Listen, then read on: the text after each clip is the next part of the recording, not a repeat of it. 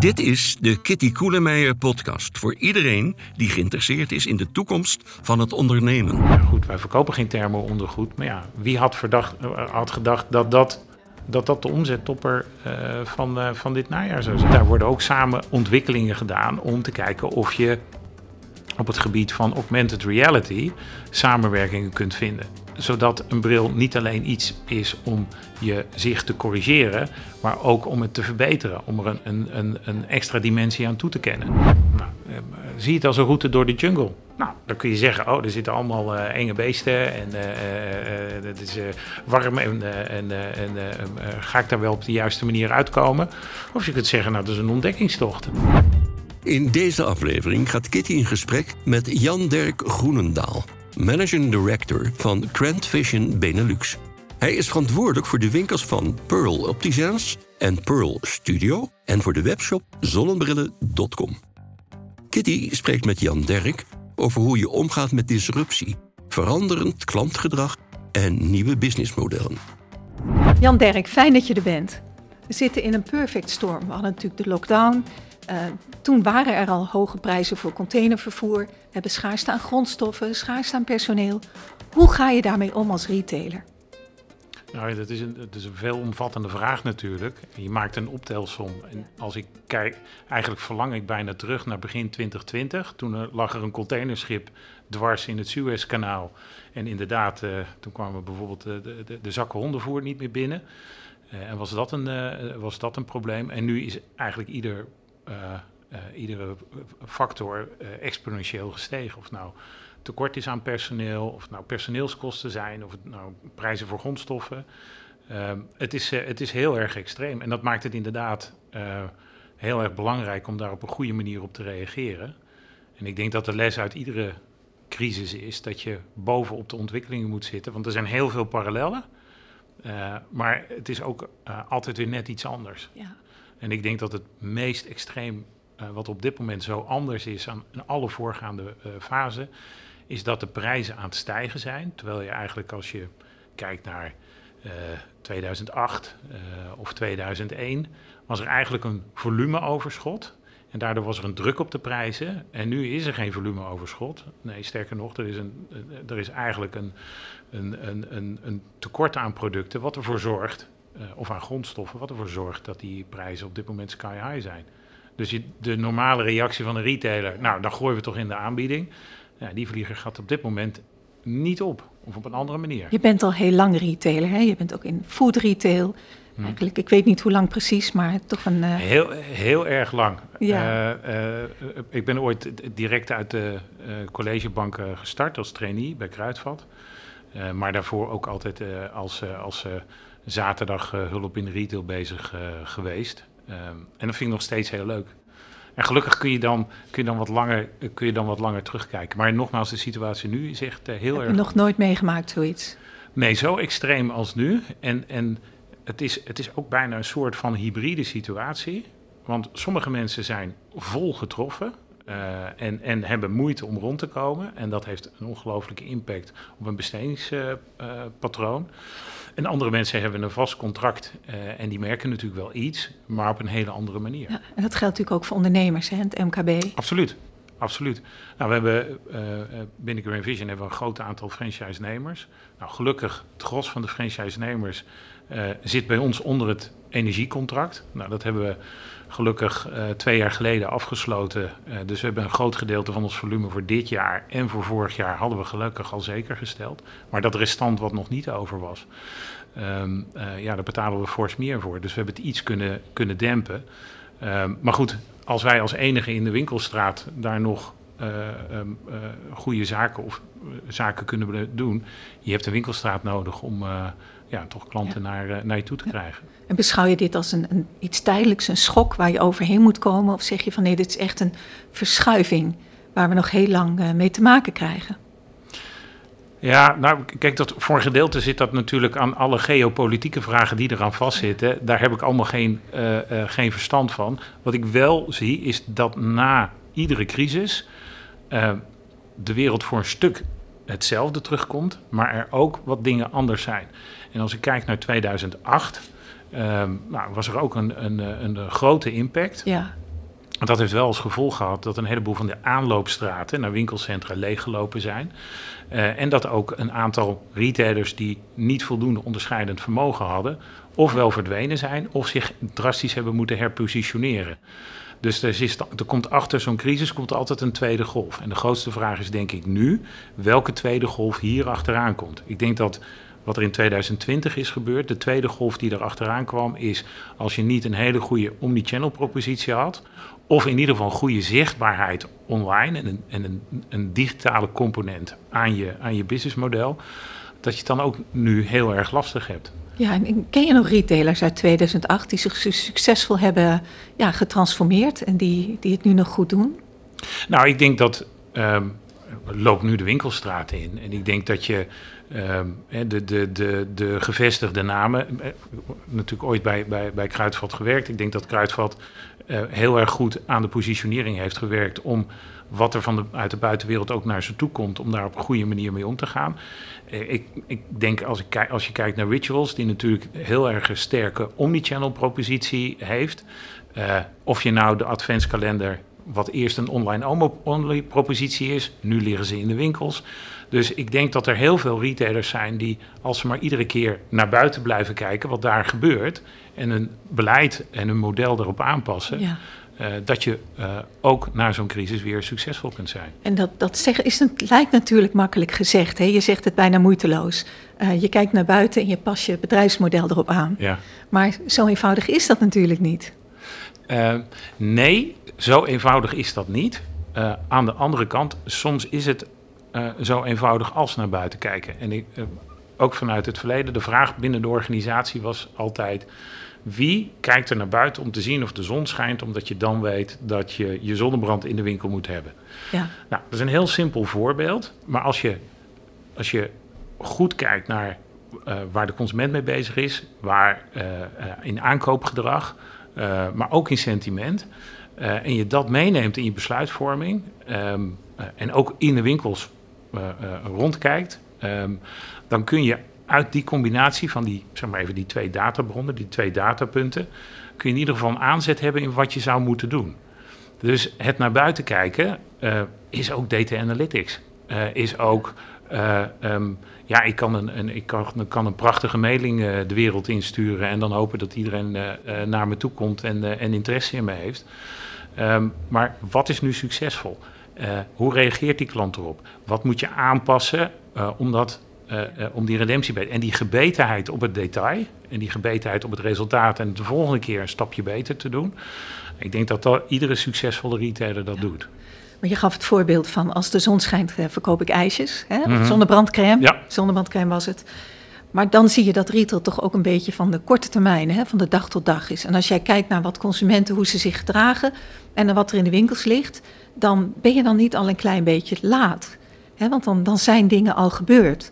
Of zijn de indicatoren dingen waarnaar je kijkt, waarvan je zegt, ja, die, die geven mij toch een, een, een voorsprong? Nou ja, kijk, om het, om het voorbeeld te nemen uh, van, uh, van de zonne, zonnebrandweer. Als de zon schijnt en je gaat dan pas de spullen naar de winkel sturen, dan ben je inderdaad ja. te laat. Ja. Maar als het goed is, heb je, heb je uitgezoomd en heb je gekeken wanneer begint het seizoen. Je kunt al die profielen over elkaar heen gooien. dat weet je, hè, dat er een seizoen komt. Ja, als het wat, om wat meer onverwachte zaken gaat? Uh, dan gaat het er voornamelijk om dat je ook weer heel goed gaat kijken naar wat er nou precies aan de hand is. Uh, je zou nu toch maar in de thermokleding zitten of in de uh, flanellen dekbed overtrekken. Dan heb je een goed leven. Dan ja. heb je een heel goed leven. Dat wist je ook niet van tevoren. Nee. Dus ik denk dat er nee. nu ook een heleboel retailers bezig zijn van waar haal ik nog een beetje voorraad vandaan. En de vervolgvraag die daar natuurlijk achter zit, is, en dat is zeg maar die tweede golf die er achteraan komt, hoe gaat dat er straks uitzien? Wat heel bijzonder is op dit moment in de winkelstraat, is dat er nog bijna geen faillissementen zijn. Ja. Winkelstraten zitten nog redelijk vol. Op enig moment gaat dat natuurlijk wel gebeuren. Wat betekent dat nou voor je netwerkstrategie? Zit je dan nog steeds goed? Zit je nog steeds op de goede plaatsen? Verdwijnt er misschien nog meer online? Um, en hoe speel je daar dan op een goede manier op in? Dus het constant inzoomen en uitzoomen. En kijken wat, wat gebeurt er hier nu op de vierkante centimeter. Maar hoe kan ik dat verbinden aan een grotere trend die ik, uh, die ik voorbij zie komen? Uh, dat is denk ik van heel erg groot belang. en wat gebeurt er dan hè, als die consumenten en daarmee ook retailers, ondernemers in algemene zin, die pijn gaan voelen? Hè? Je zegt, wat betekent dat voor mijn netwerk? Wat betekent dat voor mijn omnichannel propositie? Kun je daar wat op toelichten? Wat betekent dat in dat geval? Wat moet er gebeuren in, in de retail als, dit, uh, ja, als het moeilijker wordt? Want mensen hebben natuurlijk veel gespaard de afgelopen jaren. Niet iedereen heeft nu al last van die hoge energieprijzen. Het gaat natuurlijk uiteindelijk komen voor iedereen. Maar nu is dat nog niet zo. Maar dat, dat moment gaat er komen. Wat, wat gebeurt er dan? Wat, wat voor maatregelen worden dan genomen? Nou, ik denk dat, ik denk dat het allerbelangrijkste eerst is te kijken van, en, en dat zal wel per branche anders zijn. Ja. En, pas geleden is een onderzoek gedaan onder 5000 consumenten. Uh, um, september ten opzichte van zes maanden daarvoor. Welke uh, verandering in gedrag wordt er mhm. verwacht? Nou, een heleboel klanten zullen, consumenten zullen op zoek zijn naar aanbiedingen of wachten op aanbiedingen. Maar er is ook een grote groep uh, consumenten die gaat uitstellen. Nou, voor ons in de optiek is uitstellen van een beslissing een hele belangrijk. Want je koopt maar eens in de drie jaar een bril. Stel dat dat eens in de drieënhalf jaar wordt. Dat heeft een hele grote impact op, op ons model.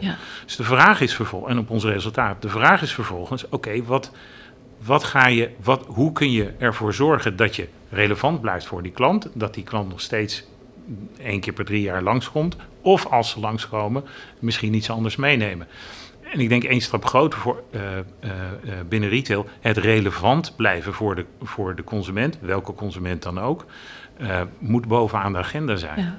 En daar moet je wel in staat zijn om daar waar de klant is, en dat was in het verleden was dat altijd alleen in de winkelstraat en nu online, om daar op de juiste manier op in te blijven spelen. En heb jij ideeën over het uh, retaillandschap van de toekomst? Hè? Kijk, Eus Peters van de Raad Nederlandse Detailhandel, die heeft gezegd... ik heb een aantal game changers, zie ik. Hè? Die binnenstad die blijft als verbinder. Maar er zijn andere verdienmodellen nodig. Uh, de factor arbeid verandert.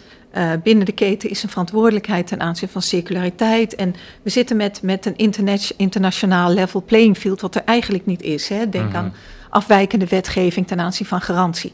Nou, dat is, is zijn, zijn beeld... Heb jij, heb jij een eigen visie op hoe, die, hoe dat retaillandschap verandert?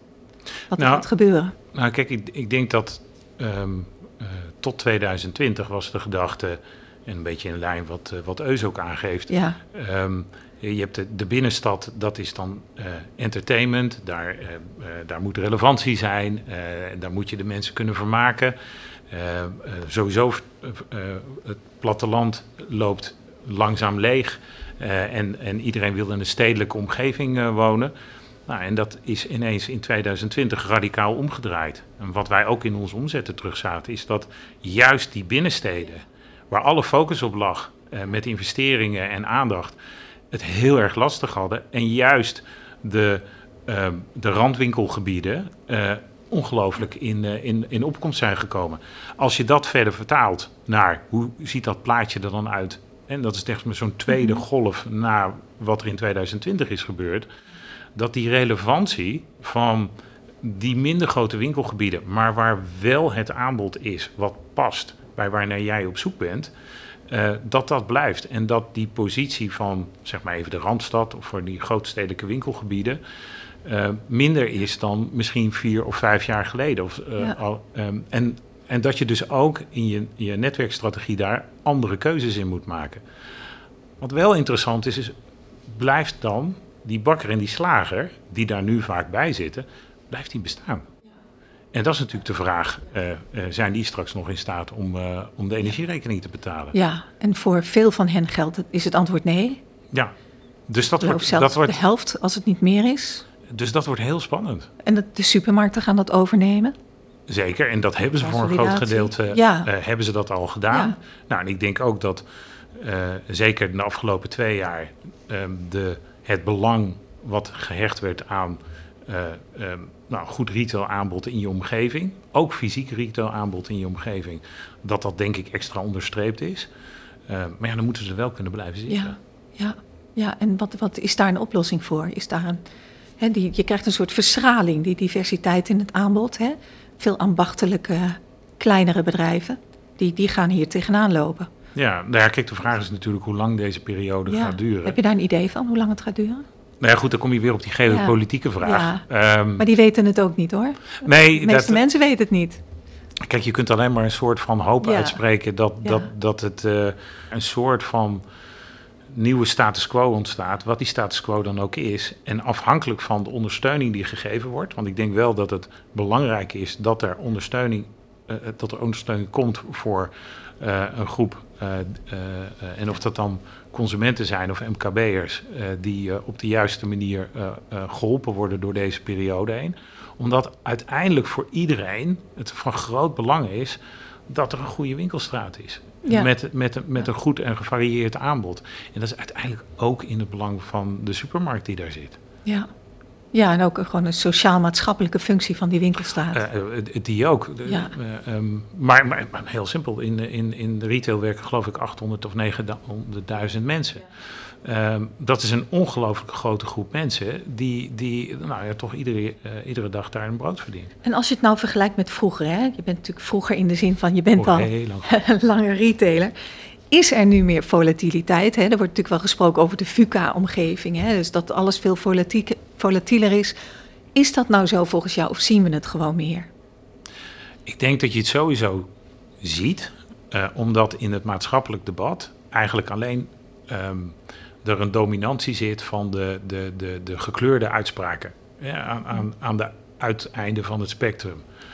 Eh, ik denk dat je dat, die focus op datgene wat anders is, eh, ook in de retail aanwezig is. En de, eh, vier jaar geleden moest iedereen weg uit het midden. Ja, Want in het midden, daar, Ja. daar, daar zat je verkeerd. Als je nu kijkt naar een aantal van de heel succesvolle retailers, die zitten juist in het midden, maar die hebben een hele goede balans kunnen vinden tussen toegevoegde waarde en prijs. geef eens een of- voorbeeld. Ehm, nou, ik denk dat als je. Het zou natuurlijk flauw zijn eh, eh, als ik Pearl zou noemen. Dat mag. Eh, ehm, eh, alhoewel dat, eh, dat natuurlijk een continue zoektocht is naar Ja. waar, eh, eh, eh, waar ligt dat, eh, eh, eh, waar ligt dat eh, evenwicht. Ik denk dat als je kijkt, ik ben een lange tijd in de drogisterijbranche actief geweest. ehm, daar heb je nu drie hele grote spelers, DA, Ethos en Kruidvat, die ieder op een eigen manier een, eh, een, een, een marktgebied ehm, eh, hebben neergezet, waar ze denk ik nog steeds eh, ehm, eh, heel goed hun omzet kunnen maken. In ieder geval ook ervoor kunnen zorgen dat ze nog steeds relevant zijn voor, voor de klant. Ja, als je natuurlijk een suc- succes wil hebben als retailer, je zit niet in het hoge segment, dan moet je volume hebben. En om volume te hebben, moet je natuurlijk aan, aan, de, grote, ja, aan de grote massa moet je kunnen appelleren. Want dat- je kan niet, het is moeilijk om als je, als je een, een, ja, een lage prijzenstrategie, om dat op een, een kleine groep te richten. Of je weet eh, een hele goede online propositie aan datgene wat je doet vast te koppelen. Ja, En dat is natuurlijk eh, het interessante eh, aan eh, nou, toch wel redelijk wat nieuwe initiatieven die je in de winkelstraat ziet, waar ze vanaf het begin af aan die combinatie van die twee kiezen. En, eh, een, een- een mooi voorbeeld is denk ik Mr. Marvis. Ehm, eh, dat is één winkel, twee winkels in Nederland. eh, met een hele duidelijke eh, zichtbaarheid. Eh, dat is geen prijsspeler. Maar ik denk dat zij een hele goede combinatie hebben gevonden tussen eh, toegevoegde waarde. ja, eh, ehm, gecombineerd met, eh, ik denk, een heel eh, aantrekkelijk eh, aanbod. ja een eigen merk ook. Hè? Ja. En, eigen, en dat, Ja. komt, dat komt dan in de mix erbij.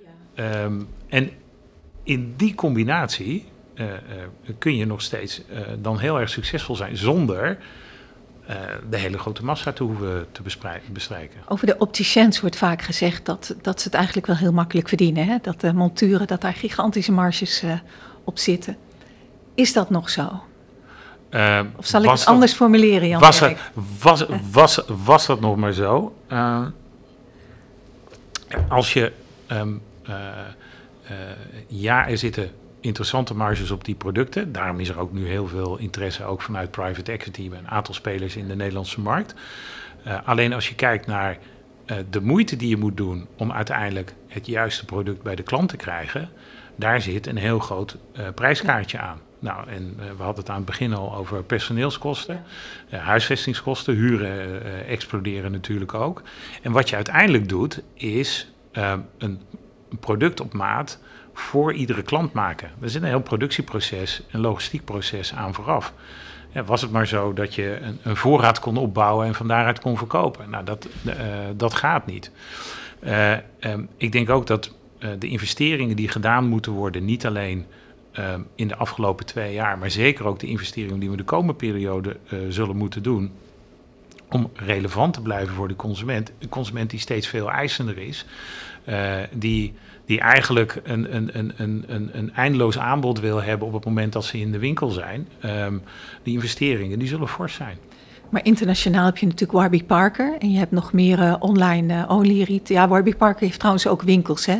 Die Warby zijn overgenomen. heeft, uh, Warby zijn begonnen als online, die hebben nu winkels. Ja, maar kijk maar eens naar de beurskoers Ja. en wat daar in een Ja. hele korte tijd is gebeurd. Dus het is, ehm, en daarmee wil ik niks afdoen, want ik, ik vind het hele inspirerende winkels. En ik vind, eh, eh, eh, eh, ze weten op een hele aantrekkelijke manier ehm, eh, brillen relevant eh, eh, te maken. Eh, maar het is, eh, het, het is niet makkelijk geld verdienen, Nee. absoluut niet. Nee, en je, je ziet, kijk, ze zijn in Nederland, hebben natuurlijk ook een beperkt aantal, eh, ja, beperkt aantal retailers die op die manier proberen te werken. Mhm. Maar je hebt daar, je hebt daar geen last van, begrijp ik, of wel? Wat Nou. verwacht je daar nog, nog toetreders waarvan je denkt van, wow, die kunnen dat wel eens op zijn kop gaan zetten?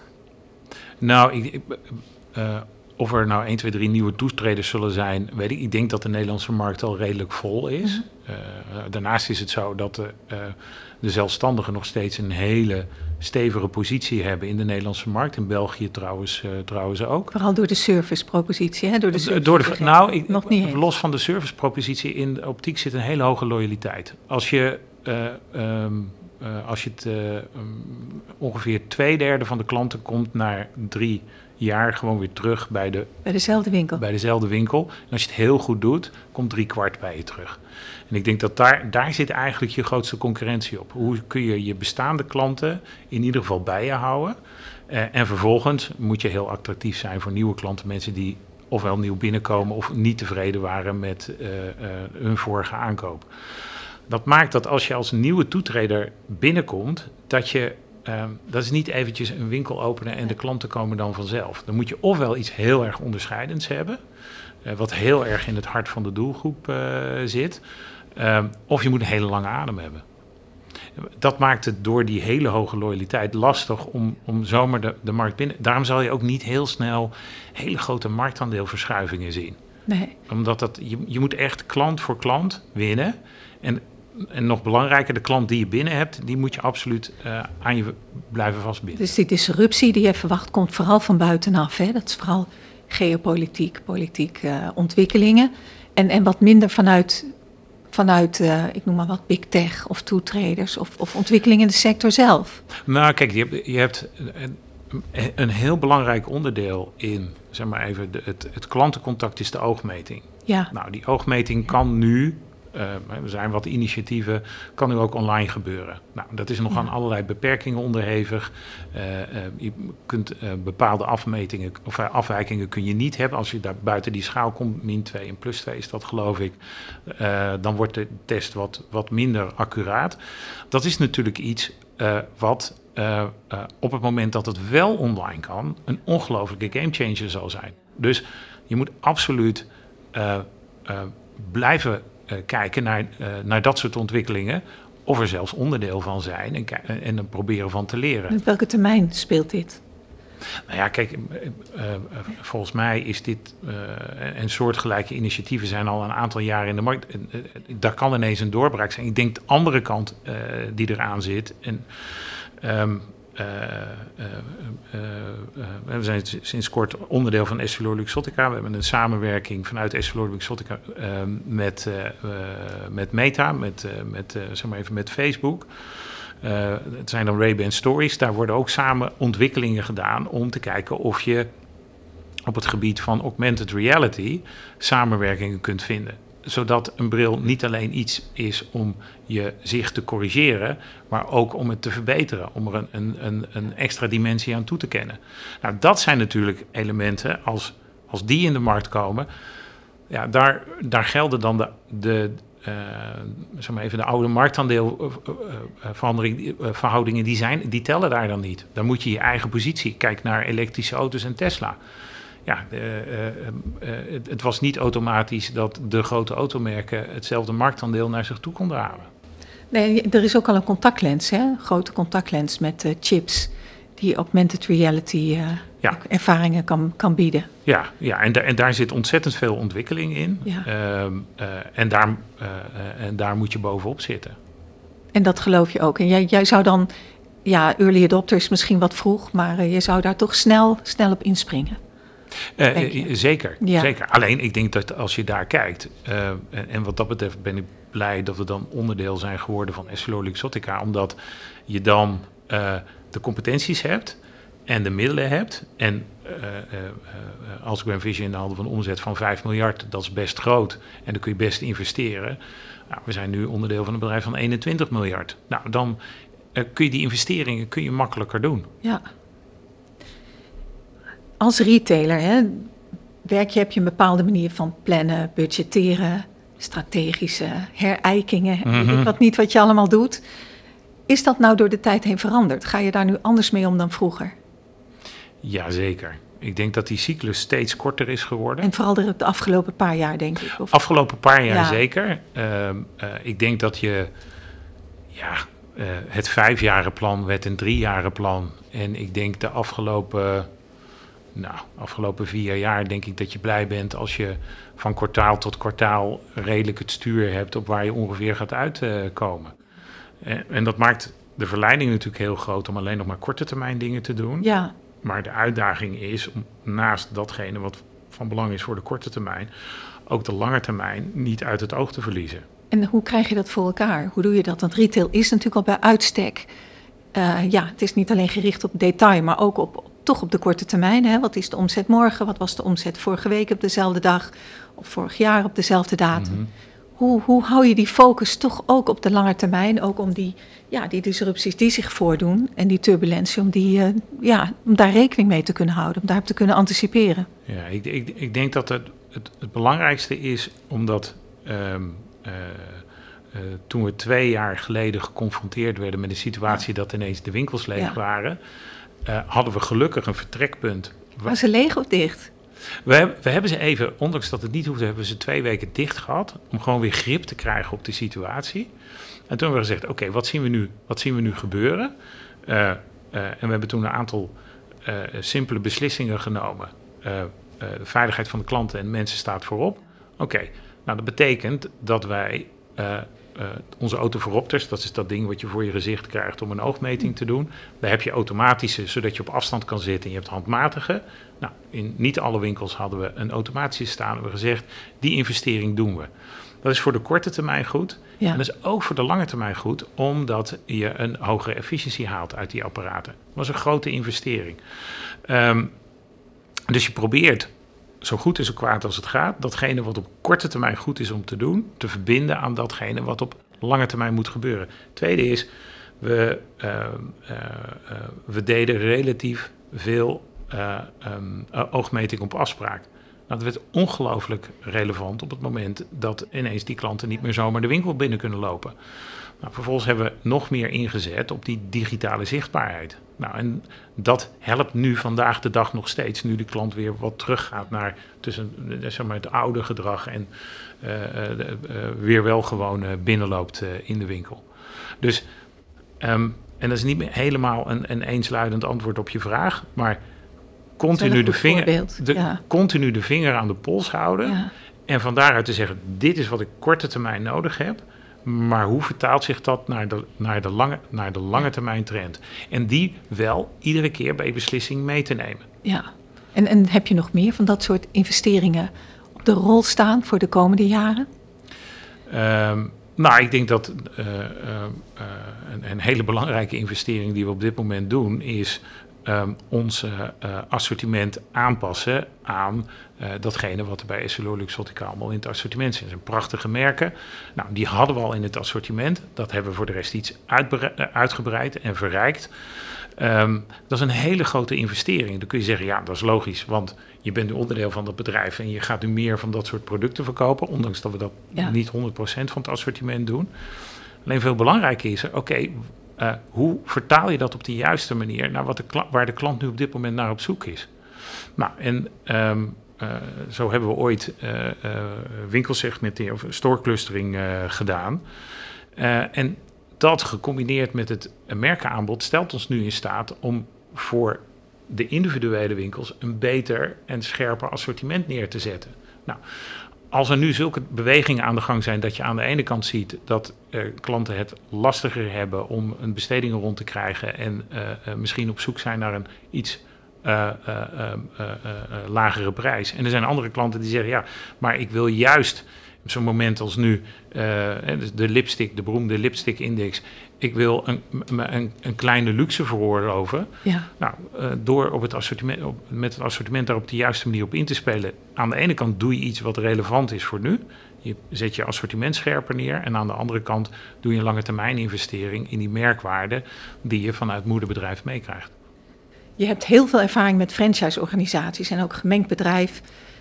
Franchise is een organisatievorm, samenwerkingsvorm die al heel lang bestaat. Hoe toekomstbestendig is franchise volgens jou?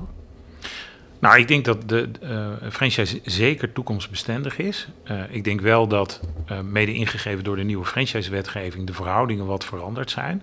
Maar dat misschien nog belangrijker is om te kijken naar hoe zorg je voor een toekomstbestendig franchise-verdienmodel. Zowel voor de franchise-nemer als voor de franchisegever. Voor over vijf of over tien jaar. En ik denk dat een hele goede dialoog daarvan heel groot belang is. Omdat uh, de lijn doortrekken zoals die nu is, uh, dat dat heel erg lastig zal zijn. En dat heeft onder andere te maken met uh, overdrachtsvraagstukken die nu, die nu spelen. hoe hou je de waarde in je onderneming? En waar misschien in het verleden de goodwill een soort van pensioen was. Ja, je, je klantenstroom kan nu zomaar veranderen. Dus je moet ook aan risicospreiding doen. Personeelskosten, zoals we in het begin het over hadden, stijgen enorm. Ehm, ben jij als franchise-nemer een groot gedeelte van je eigen bezetting? En, en is, is, is dat jouw vorm van toekomstbestendigheid? Of kijk je daar op een andere manier aan? En dat vraagt investeringen. Vraagt investeringen in de formule, vraagt investeringen in het assortiment en ook in expertise. En, en betekent dat dat er ook meer gedifferentieerde, meer differentiatie komt in franchise-overeenkomsten? Of, of zeg je van met een paar grote aanpassingen, met een paar specifieke aanpassingen zijn we er wel? Nou, ik denk dat, dat de, de, de franchise-wetgeving um, heeft uh, uh, voor uh, in een aantal gevallen, en dat was ook het beoogde doel van de franchise-wetgeving, balans gebracht of meer evenwicht gebracht in de verstandhouding en de machtsverhouding tussen franchisegever en franchise-nemer. Um, ik denk dat het van groot belang is dat gerealiseerd wordt dat daar ook een verantwoordelijkheid aan vastzit. En dat de professionalisering want dat is eigenlijk wat er gebeurt als je het meer gaat... aan beide kanten. Absoluut, absoluut. En uh, dat de, de, de, de professionaliseringsslag die daarmee binnengekomen is... dat die ook voor franchisegever en franchisenemer geldt. En ik denk dat je daar helemaal niet bang voor hoeft te zijn. Uh, langs beide kanten niet. Maar dan moet je wel heel erg goed over met elkaar in gesprek zijn. Want die stap voorwaarts, dat betekent ook voor een franchisenemer... Ja. dat, dat die zijn eigen, hij of zij haar eigen vijfjarenplan moet hebben. En dat moet aansluiten, uh, als het goed is, op, op ook waar de franchisegever denkt dat de markt of de organisatie naartoe gaat.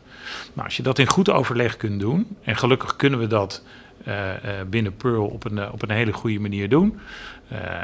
Af, af, en toe is er natuurlijk wel eens een discussie, ja. die, is er, die is er altijd. Geen glans zonder wrijving, hè? Geen glans zonder wrijving. Um, dat houdt je ook dat houdt beide kanten ook scherp. Ja. Maar het belangrijkste is dat kijk niet naar de huidige situatie, blijf naar de toekomst kijken. Want over vijf jaar of over tien jaar is die, is die wereld anders. En hoe jammer het ook is, die wereld van vijf of tien jaar geleden, die is er niet meer. Um, consumenten zijn veranderd, concurrentieveld is veranderd, kostenstructuren zijn veranderd. En daar moet je elkaar wel in kunnen blijven vinden. En wat, wat maakt jij nou, jou nou een, een goede manager in zo'n omgeving? Wat, wat doe je nou waardoor je, waardoor je succes hebt in wat je doet? Specifiek richting franchise of in... Nee, in het algemeen. Natuurlijk ook richting franchise, omdat je daar een groot deel van je carrière mee te maken hebt gehad. Ja, nou, ik, ik denk dat heel specifiek voor retail is het, is het uh, uh, iedere keer, en dat en, soms tot het zelfdestructieve af, heel kritisch zijn op wat er is gebeurd. En vervolgens kijken, oké, okay, dit is goed gegaan. En daar dat is mijn Calvinistische inslag. Daar sta je dan, daar sta je dan misschien wat tekort bij, uh, bij stil. Maar uh, um, uh, continu gericht op verbetering. Iedere dag die procent beter. en aan de andere kant wel ervoor zorgen dat nou ja, als, er dan, als er een succes is, niet dat je Polonaise gaat lopen. maar ik ben ooit zowel katholiek als Nederlands hervormd gedoopt. Dus ik, ben, ik, heb, ik, ik heb het allebei een beetje niet de Polonaise gaan lopen, maar wel kijken, oké, waarom zijn we nou succesvol geweest? We hebben ehm, ehm, eh, eh, de, de, afgelopen twee weken uh, zagen we in een aantal van onze indicatoren een heleboel groen ineens. En dat is de belangrijkste vraag, snappen we nou waarom het groen is? En niet van, oh, het is groen. we hebben budget gehaald. koffietaart, koekjes. natuurlijk. maar ook, snappen we nou waarom het groen is? En die gebetenheid om te weten, om het te snappen, uh, die zit denk ik in iedere succesvolle ja. uh, retailorganisatie. En dat is iets wat ik wel heel erg heb van huis uit meegekregen. Uh, daar word je tijdens je opleiding mee doodgegooid. En ik denk ook dat de, mijn ervaring en een aantal van de mentoren die ik gehad heb in, mijn, in mijn retailleven daar heel erg op hebben aangezet. En nou is het interessant om dat bruggetje te maken naar franchise. franchise-nemers zijn heel goed in staat om datgene wat niet goed is, wat fout gaat, uh, uh, heel erg duidelijk uh, voor je neer te leggen. En dat is soms niet leuk. Ehm, want niemand hoort graag wat er allemaal fout gaat. Maar het helpt je iedere keer weer om die procentverbetering te doen. Je had het over successen. Noem eens wat successen, dingen waar je echt trots op bent. Geef een voorbeeld. Nou, ik denk, ik denk dat hoe we als organisatie de, de, uh, alles wat we in 2020 en 2021 op ons hebben afgekregen. Want het was niet alleen uh, uh, datgene waar de hele retail last van had, maar heel specifiek voor ons. We zaten in een, midden in een, eerst in een overname, of we werden overgenomen als organisatie. Daar hadden we wat minder mee te maken. Maar vervolgens waren een gedeelte van de remedies die voortkwamen uit de overname, kwamen in Nederland en België terecht. Uh, dus moet je ineens afscheid nemen van winkels, van collega's. Uh, we hebben in Nederland van het Iwis-merk uh, afscheid moeten nemen. ja, en daar zit een hele gecompliceerde carve-out aan vast. met heel veel veranderend consumentengedrag. Dat maakt een soort van... ja, jij noemde het een perfect storm, maar er, kwam ineens van alle kanten kwam er, kwamen er dingen op onze organisatie af. En hoe we daar als organisatie doorheen zijn gegaan en de de wendbaarheid en de veerkracht die je dan in een organisatie terug weet te vinden, uh, die is ongelooflijk uh, geweest. Daar ben ik ongelooflijk trots op. En we hebben geprobeerd, want nu is die situatie speelt nog steeds van, maar minder heftig als twee jaar geleden. toen, we, toen we echt in een hele lastige situatie zaten. Maar de learnings eruit, hoe doe je, hoe zijn we, hoe, waarom was dat succesvol? Nou, omdat we kort op de kist zaten, kleine multidisciplinaire groepjes hadden, die we veel besluitvaardigheid gaven. De, ze mochten zelf een beslissingen nemen. korte terugkoppelingsziektes, wel zorgen dat de communicatie bij elkaar wordt gebracht. En vervolgens ook heel duidelijk zijn in, in, in wat er gebeurt. Um, uh, en daar ook duidelijk over communiceren. We hadden geen interne communicatieafdeling. Dat zijn er nu ineens vier. Nou, en die hebben het alle vier hartstikke druk. En waarom hebben die het hartstikke druk? Om ervoor te zorgen dat die verbinding er is. En heb je nog andere veranderingen, blijvende veranderingen in je organisatie als gevolg daarvan? Uh, ik, ik denk twee. we hebben nu bijna permanent twee of drie projecten, grote projecten draaien met complete uh, stuurgroep, wat we in het begin niet hadden. Dan was het altijd iemand deed op een afdeling erbij en er werd een projectgroepje geformeerd. Nu hebben we een aantal zulke grote prioriteiten, of zoveel omvattend, waar we echt een hele aparte projectstructuur voor hebben ingericht, met, met alles wat daarbij hoort. Dat is één. En twee, um, als je um, met zoveel um, uh, ja, onzekerheid of onduidelijkheid of, te maken krijgt, vraagt dat een andere manier van naar innovatie krijgen. Ja. Um, uh, we hebben nu een, uh, een Growth Lab uh, opgericht. In Nederland? In Nederland. Um, en um, de doelstelling van die Growth... Daar zit natuurlijk zitten, drie duidelijke projecten in. We hadden er acht, die we teruggebracht naar, naar drie. Waar we op een heel andere manier kijken naar schalen. Dus je start iets, je weet niet, je hebt ongeveer een idee van waar je naartoe wil. alleen de route daar naartoe en het eindpunt wordt mede bepaald door nou ja, datgene wat je gaandeweg gaat leren. Kun je iets zeggen over die projecten?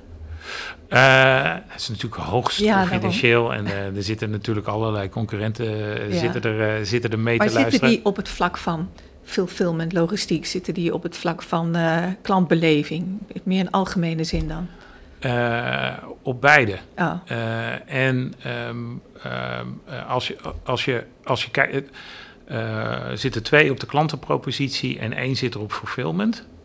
Omdat we, als, je, als je dan weer, en dat is dan heel simpel, je kijkt naar je PNL en die PNL die staat, um, daar staan bepaalde krachten op. Dus je personeelskosten zijn hoger, je huur is hoger. Nou, dan, dan moet je gaan kijken, hoe kan ik nu niet door de kaasschaaf er nog een keer overheen halen, kijken of ik mijn doelstelling haal. Nee, je kan ook niet met je hamer erop af en, en denken, nou, ik ga eens even, ik, ik, ik, ik, ik ga eens even een, een flink stuk ervan afhalen. Je moet met je schroevendraaier erin. Je moet dat model op een paar belangrijke punten net iets anders neerzetten, uh, zodat het beter en efficiënter gaat draaien. Nou, en daar hebben we drie initiatieven voor geïdentificeerd. En het leukste daaraan is dat je uh, een groep mensen bij elkaar zet uh, en die hebben we in onze Hoe organisatie. Hoe groot zijn die groepen ongeveer? Um, uh, die zitten daar zo al in. Heb je daar een vaste formule voor? Nee, het, juist uh, dwars door de organisatie heen. Natuurlijk zit dat wel vast aan functionele gebieden. Ja. het is we hebben het niet zo mooi gelabeld als voor in een box zoals bij Walmart. Eh, wat je me vertelde ja, dat je, toen je ja, daar was. Ja, ik vond dat toch wel indrukwekkend. Maar zijn we natuurlijk 400, 500 projecten per jaar... waar dan ja. vier personen. Hè? Dat is dan een, een, eh, een product. Ja, een productspecialist, zoals je het wil noemen, hè, die productgerichte dingen kan doen. Er zit een, um, iemand die alles weet van businessmodellen en hoe je geld verdient voor de organisatie. Er zit een ingenieur in en een uh, user experience iemand. Maar dat is, dat is die schaal waarop dat gebeurt, is natuurlijk enorm. En jullie, ja. ja, jullie schalen die innovatie natuurlijk niet in die mate op. Nee, nee, maar die drie initiatieven, uh, en het, het, het, is een doorsnede van de organisatie.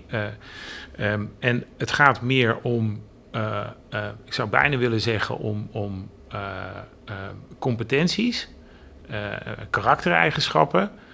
dan echt vastgepind, oké, okay, oh, jij komt uit dit functionele gebied. Het gaat om karaktereigenschappen. Nou ja, Geef ik nu eens wat.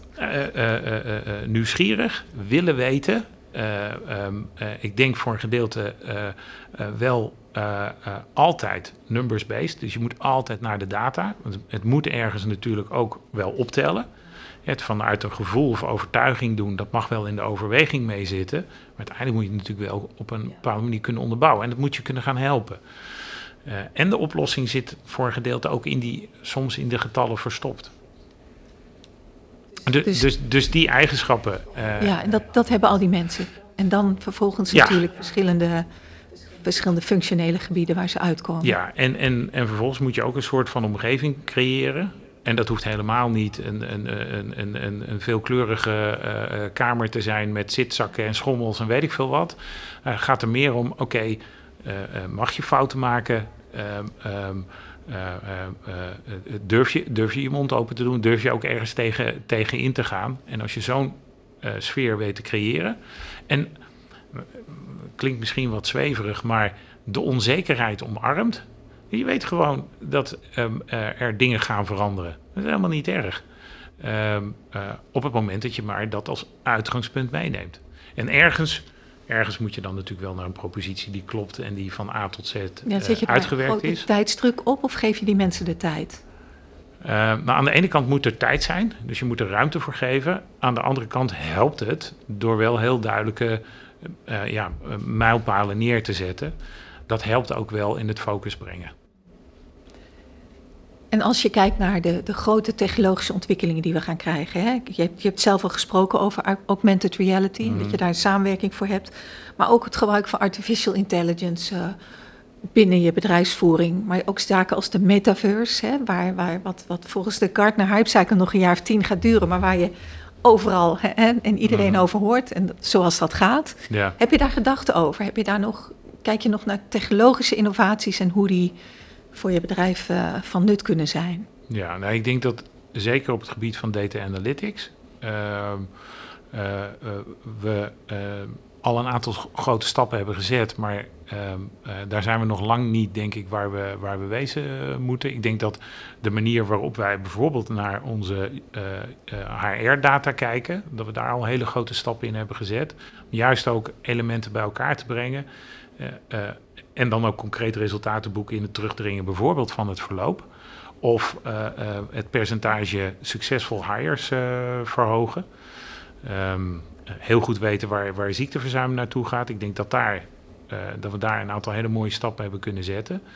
Um, in een aantal van de instrumenten, meetinstrumenten die we gebruiken, um, daar zit nu artificial intelligence in. Om bijvoorbeeld een oogmeting nog accurater te laten zijn.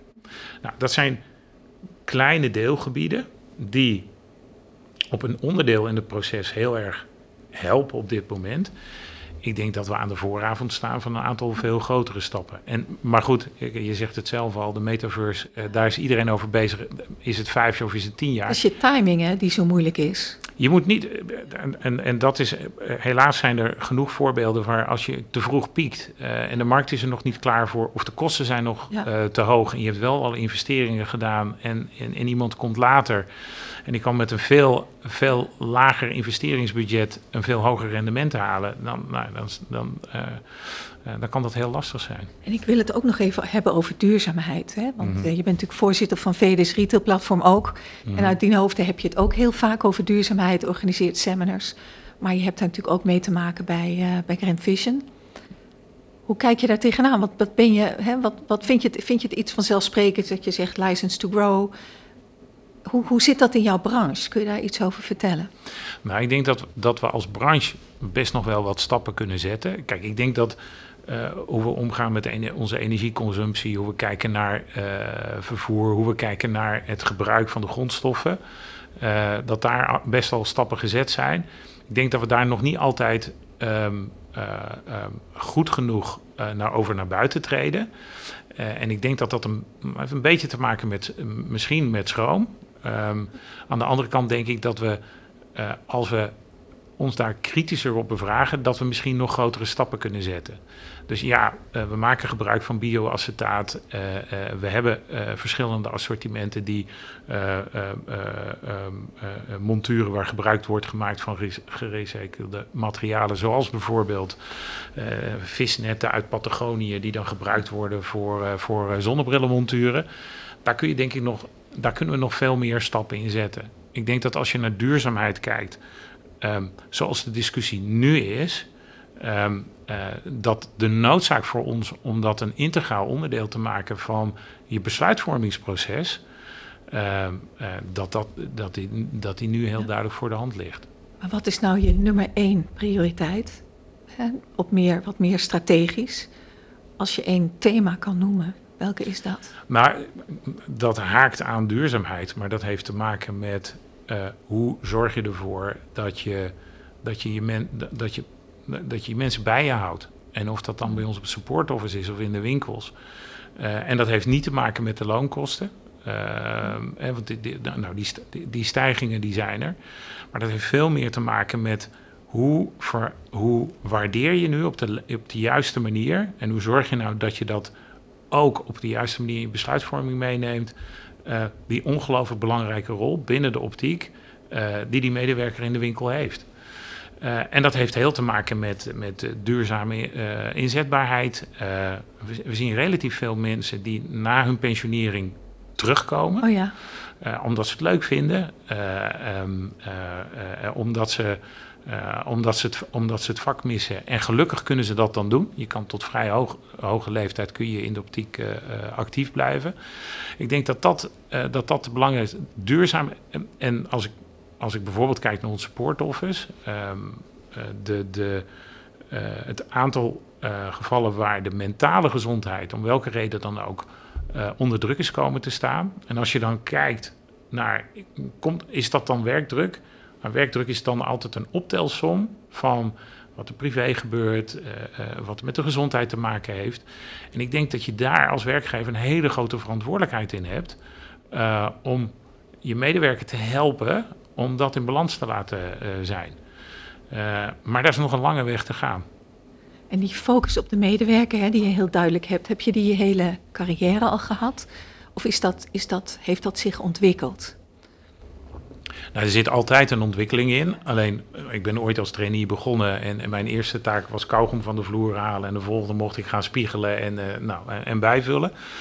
Um, als je in de retail de totale um, keten, en of het nou is voor het product uh, of wat er in de winkel gebeurt, als je die niet meeneemt, als je, als je niet rekenschap geeft of meeneemt in je beslissingen hoe het uiteindelijk op de winkelvloer richting de klant gebeurt, dan ben je geen knip voor de neus waard. En ik, uh, de, um, je hebt dan wel eens van die mensen die met een, een, een, een, een zeker dédain of arrogantie over, over wat er in de winkel gebeurt praten, ja, die passen niet binnen een retailorganisatie. En daarom is het ook zo belangrijk dat die wat je, wat je beslist en die strategie die je opschrijft en de initiatieven die je dan hebt, dat je altijd controleert op de winkelvloer. Is dat nou op de juiste manier doorvertaald? Komt het op de juiste manier door? En heb je vervolgens ook een terugkoppelingscyclus staan die ervoor zorgt dat er vanuit die winkelvloer die signalen terugkomen? En dat kan altijd beter. Dat is de ontwikkeling uh, uh, uh, die ik zelf ook altijd heb doorgemaakt. dat, je, dat, je, dat, je, dat je nou, maar even de, de, de, manier waarop je je werk doet, daar moet aan vastzitten dat die terugkoppelingscyclus er is. En de meest voor de hand liggende is gewoon zelf de winkels ingaan. Um, nou, dat kon de afgelopen twee jaar kon dat minder. Ja, hoe vaak doe je dat? Doe je dat elke, elke week een dag of, of uh, uh, een bezoekje in het weekend? Het, het is soms uh, wringen. en dan is het eens in, de, eens in de twee weken. En vaak komt dat tot op de weekend dan krijg je niet het hele beeld. En toch niet moet de dezelfde winkel, dat kan je ook niet Nee, nee, nee, nee. Ik was uh, pas geleden in Maastricht. Nou, het is altijd leuk om in Maastricht te zijn. Uh, en, en, nou, dan ga je twee, één Pearl Studio en een Pearl winkel in het centrum ga je dan in. En ja, dan, dan is het vragen stellen en luisteren. En wat gebeurt er? En waar hebben ze last van? Of wat gaat er goed? En waar zijn ze trots op? Uh, en wat kan, er dan, wat kan er dan beter? Of wat moet er dan anders? of wat is gelukt? of wat zit er aan te komen en, en zou een oplossing kunnen zijn voor datgene wat je op dat moment uh, mee wordt geconfronteerd. We hebben een prachtige winkel op het Vrijthof. Nou, uh, um, daar zit nog heel veel, heel veel goede potentie in. Oké, hoe, hoe, kunnen we dat dan op de juiste manier aanzetten? Maar goed, dan hoor je ook het probleem. Ja, we zitten hier midden in het centrum van Maastricht. Uh, uh, we hebben één parkeerplaats in de parkeergarage. Ja, en er staat een steppie. Waarom staat dat steppie daar? Ja, ik parkeer aan de rand van het centrum, kom dan met steppie hier naartoe. Ehm, ja, dan moet je gaan. Moet je, en ik heb dan niet een pasklare oplossing daarvoor. Maar je moet wel gaan nadenken. Oké, wat, wat betekent dat dan? Hoe kun je dat, hoe kun je daar, hoe kun je een goede, hoe kun je dat op een goede manier gaan faciliteren? Je hebt er net al een les genoemd, hè? de mensen in de winkels en die terugkoppelingsmechanismen dat je nodig hebt. Zijn er nog meer lessen die je de afgelopen jaren hebt geleerd, die je, die je zou willen doorgeven? Nou ja, kijk, je had het, uh, je had het over volatiliteit. Ja. Uh, uh, ik denk dat het belangrijkste is dat je. Er zijn dingen die zijn in je, liggen in je beïnvloedingssfeer. Daar moet je alles aan doen. En er zijn dingen die liggen niet in je beïnvloedingssfeer. Daar kun je heel erg druk over maken. die kun je niet veranderen. Of daar kun je misschien een klein beetje iets een richting aangeven. Maar je moet ervoor zorgen dat dat uh, je, je, uh, uh, je, je gemoedsrust of de sfeer in de organisatie of het wel of niet nemen van beslissingen laat overschaduwen. Dus als je het ziet als, nou, zie het als een route door de jungle. Nou, dan kun je zeggen, oh, er zitten allemaal uh, enge beesten en uh, uh, het is warm en, en, en ga ik daar wel op de juiste manier uitkomen? Of je kunt zeggen, nou, dat is een ontdekkingstocht. Um, en dan moet je voorbereid zijn op het feit dat er verrassingen komen. Daar moet je organisatie op inrichten, daar moet je je mensen op aannemen. En die moeten dat vervolgens dan uh, op, uh, op een goede manier mee omgaan. Ik zou, zou binnen zeggen leuk vinden. Uh, maar ik denk dat dat de grootste uitdaging is met alles wat er op dit moment speelt. Dat, dat je daar ook um, en soms is dat wat moeilijker en, en soms ligt dat wat meer voor de hand, daar de kansen en de mogelijkheden in ziet. Nogmaals, ja, maar goed, wij verkopen geen thermo-ondergoed. Maar ja, wie had, verdacht, had gedacht dat dat, dat, dat de omzettopper uh, van, uh, van dit najaar zou zijn? En wat, wat drijft jou persoonlijk en wat inspireert je? Ja, los van het feit dat ik. Behalve dan safaris, blijkbaar. Ja, tochten door de jungle. Um, um, nou, ik, denk, ik denk de, de, de, de continue. Um, nou, als, voor, als het over mezelf zou moeten zeggen, is nieuwsgierigheid. Uh, en en je, je, los van het feit dat je continu gefocust moet zijn op, op verbetering, of doe het anders, ook proberen het nieuwe te omarmen. En en soms doe je dat heel snel en gaat het natuurlijk. En soms zit je er tegenaan te kijken en dan ben je soms misschien een klein beetje te laat. Um, uh, ik denk dat de, de, um, de nieuwe elementen. En of dat dan, en of dat dan is omdat, omdat er een leverancier mee komt, of omdat dat de trend in de retailmarkt is. Of uh, het komt van uit een nieuwe manier van naar, naar, naar, naar consumenten kijken. En dat komt als je zegt, ik zit al wat langer in de retail, ben ik ook wat ouder. Ik zeg het heel voorzichtig. Ja, hoe, hoe luister je naar jongere mensen in de organisatie? en hoe neem je die inzichten mee? Um, en ik, had zelf altijd een, een hekel aan dan oudere collega's die zeiden: Ja, hebben we al gedaan. Uh, vroeger al geprobeerd, vroeger was alles beter en anders en dat werkt niet meer. Of zo werkt het nu eenmaal. Ja, iedere keer, oh wacht even, dat moest ik niet gaan doen. wat dat, dat, dat hielp mij toen niet. En ik denk dat het me dat ook niet helpt nu door dat nu te zeggen. En die neiging is er natuurlijk wel, want ja, ja, hadden we al een keer gedaan. Dus dat nieuwe omarmen, die nieuwsgierigheid houden, uh, dat is voor mij wel een hele belangrijke drijfveer. Nou, prachtig Jan Dirk, dank dat je er was. Graag gedaan. Dit was de Kitty Koelemeijer podcast. Als je dit gesprek interessant vindt en vaker dit soort gesprekken wilt zien of horen, druk dan op die bekende knop.